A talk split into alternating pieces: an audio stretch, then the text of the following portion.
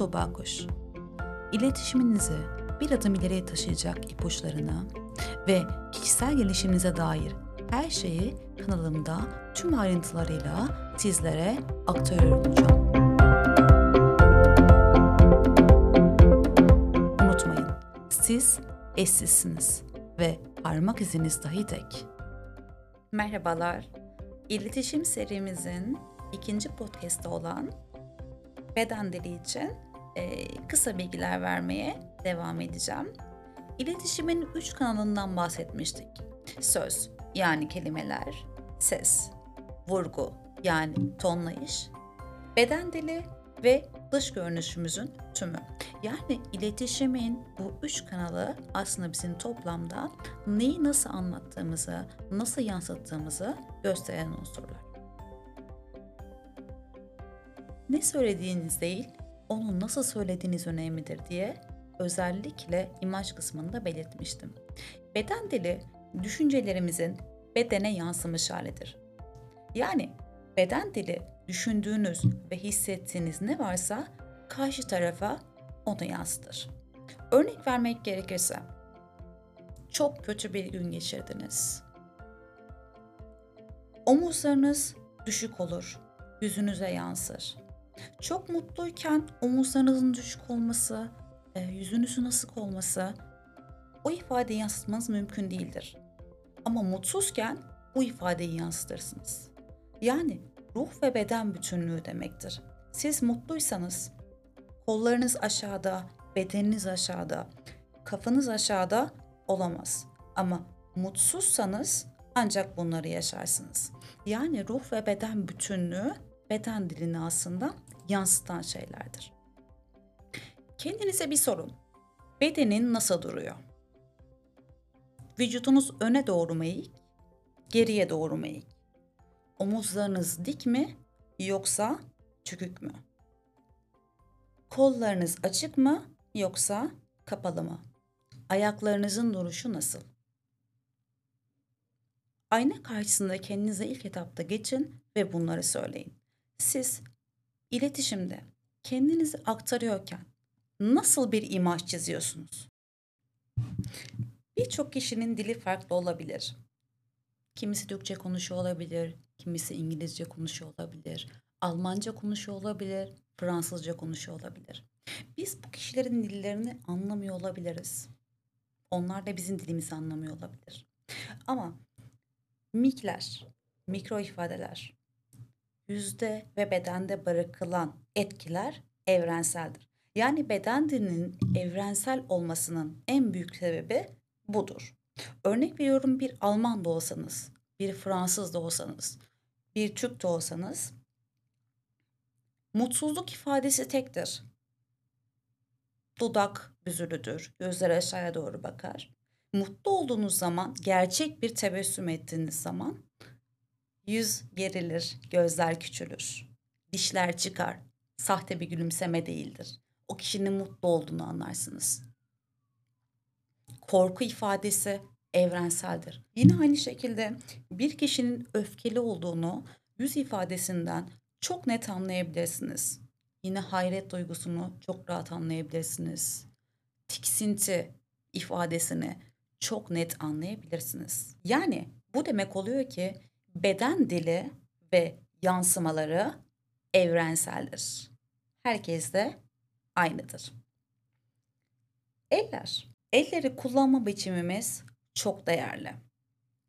Sıkıldığımızı, ilgiyle dinlediğimizi, inandırıcılık seviyemizi hepsini belirleyen aslında iletişim esnasındaki el hareketlerimizdir. Bir kişinin sıkıldığını elini ensesine götürmesinden anlayabilirsiniz. Bir kişinin biraz e, konuyla alakalı yalan söyleyebilme ihtimalini elini burnuna götürmesinden, gözünün altını kaşımasından anlayabilirsiniz. Veya enseyi kaşıması da buna dahil olabilir. Jest mimikler çok şey anlatır. İletişim esnasında bir kişi sıkılmışsa o kişinin duruşundan, el hareketlerinden ve beden duruşundan çok rahat bir şekilde sıkılmış olduğu ihtimalini anlayabilirsiniz. İlgili ise yine aynı şekilde elini yüzüne götürme ifadesinden ve duruşundan çok net bir şekilde kendini ele verebilir. Avuç içleri. Altın kural dediğimiz iletişimde avuç içlerini kullanma. Bir sunum yaparken, kendinizi anlatırken, sahneyi kullanırken çok çok değerli bir konuda avuç içlerinizi kullanmak demek güven. Yani bana güvenebilirsin. Söylediğim her şey doğru. Açıklıkla inanabilirsin demek. Yani avuç işlerini kullanmak sizi artı bir güven konusunda ve ikna konusunda öne geçiren durumlardır. Bir mağazaya gittiğinizi düşünün, ürün alacaksınız. Reyondaki satış danışmanı arkadaş size yardımcı olmak için geldi. Sunum yaparken ellerine dikkat edin. Ellerini sürekli ürünü anlatırken, kampanyaları anlatırken ve size satış yapmaya çalışırken iyi bir satışçıysa avuç işlerini kullandığınızı, kullandığını fark edeceksiniz. Bu demek oluyor ki bana güvenebilirsin. Ben sana doğru ve güvenilir bilgiler veriyorum. Evet. Bana inan. Kısacası sözsüz iletişimde bu bana inan demektir ve çok çok değerli bir noktadadır. İletişimde mesafe yani mekan kullanımından bahsetmek istiyorum biraz. Mahrem bölge dediğimiz bölge vardır. Yani herkesin bir alanı vardır ve o alanın dışına çıkılmaması gerekir. Sadece özel ilişkilerde mahrem bölge kullanılır. Bu 15 ila 46 santim arasındadır.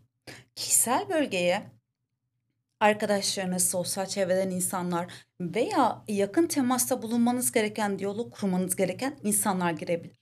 Bu 46 santimle 1.2 metre arasındaki mesafedir. Sosyal bölge artık hepimizin bildiği yani pandemi sürecinde hayatımıza çok net giren 1 ila 2 metre arasında başlar, 3 ila 6 metreye kadar devam eder. Ortak bölgede 3 ile 6'nın üzerindeki bölgedir. Herkesin kullandığı bölgedir. Şimdi kişisel bölgenin ihlalini iki yerde görebiliriz. Birincisi toplu taşımalarda, ikincisi ise asansörlerde. Bu iki örneğe dikkat edin.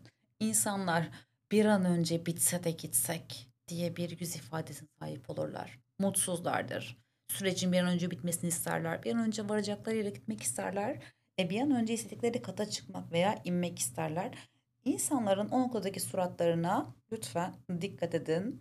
Mimikleri hiç mutlu değildir. E, ya aşağıya bakıyorlardır ya bir şeyle ilgileniyorlardır vesaire.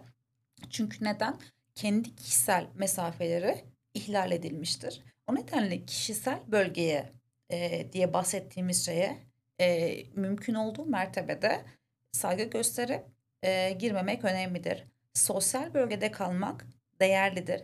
E, iletişim konusunda birebir diyaloglarda e, işinizin gerektirdiği veya sosyal alanınızın getirdiği yerlerde kişisel bölge mesafesi bellidir.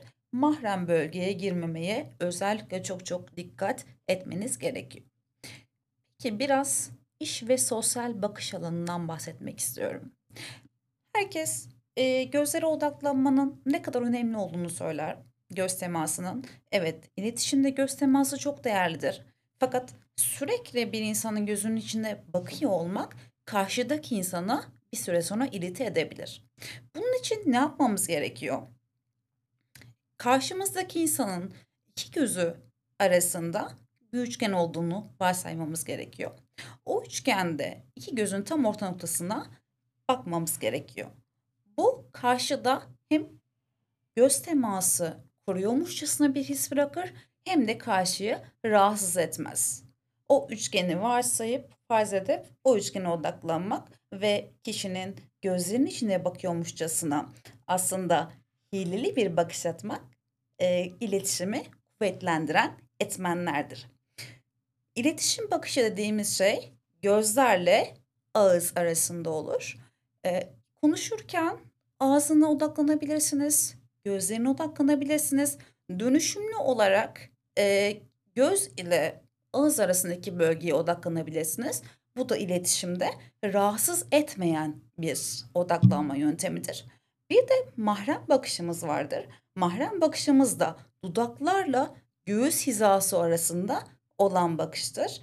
Eee, daha çok dediğimiz gibi adı flört bakışından anlaşılacağı gibi özel hayatta kullanılabilen bir bakıştır. Sosyal hayatta, iş hayatında özellikle, eee, kişilere kullanmamanız yönünde uyarılar yapılabilir. Şimdi beden dilinin etkinliğini artırmak için nelere dikkat etmeliyiz? Birazcık bunlardan bahsetmek istiyorum.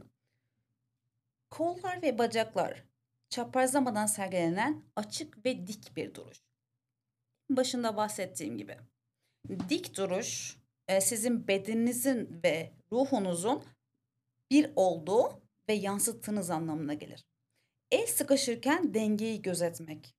Yani, eee, üstünlük göstergesi olmamak, ne çok serbest bırakmak eli ne de çok fazla ben üstünüm havası yaratmamak. En önemlisi içten bir gülümseme.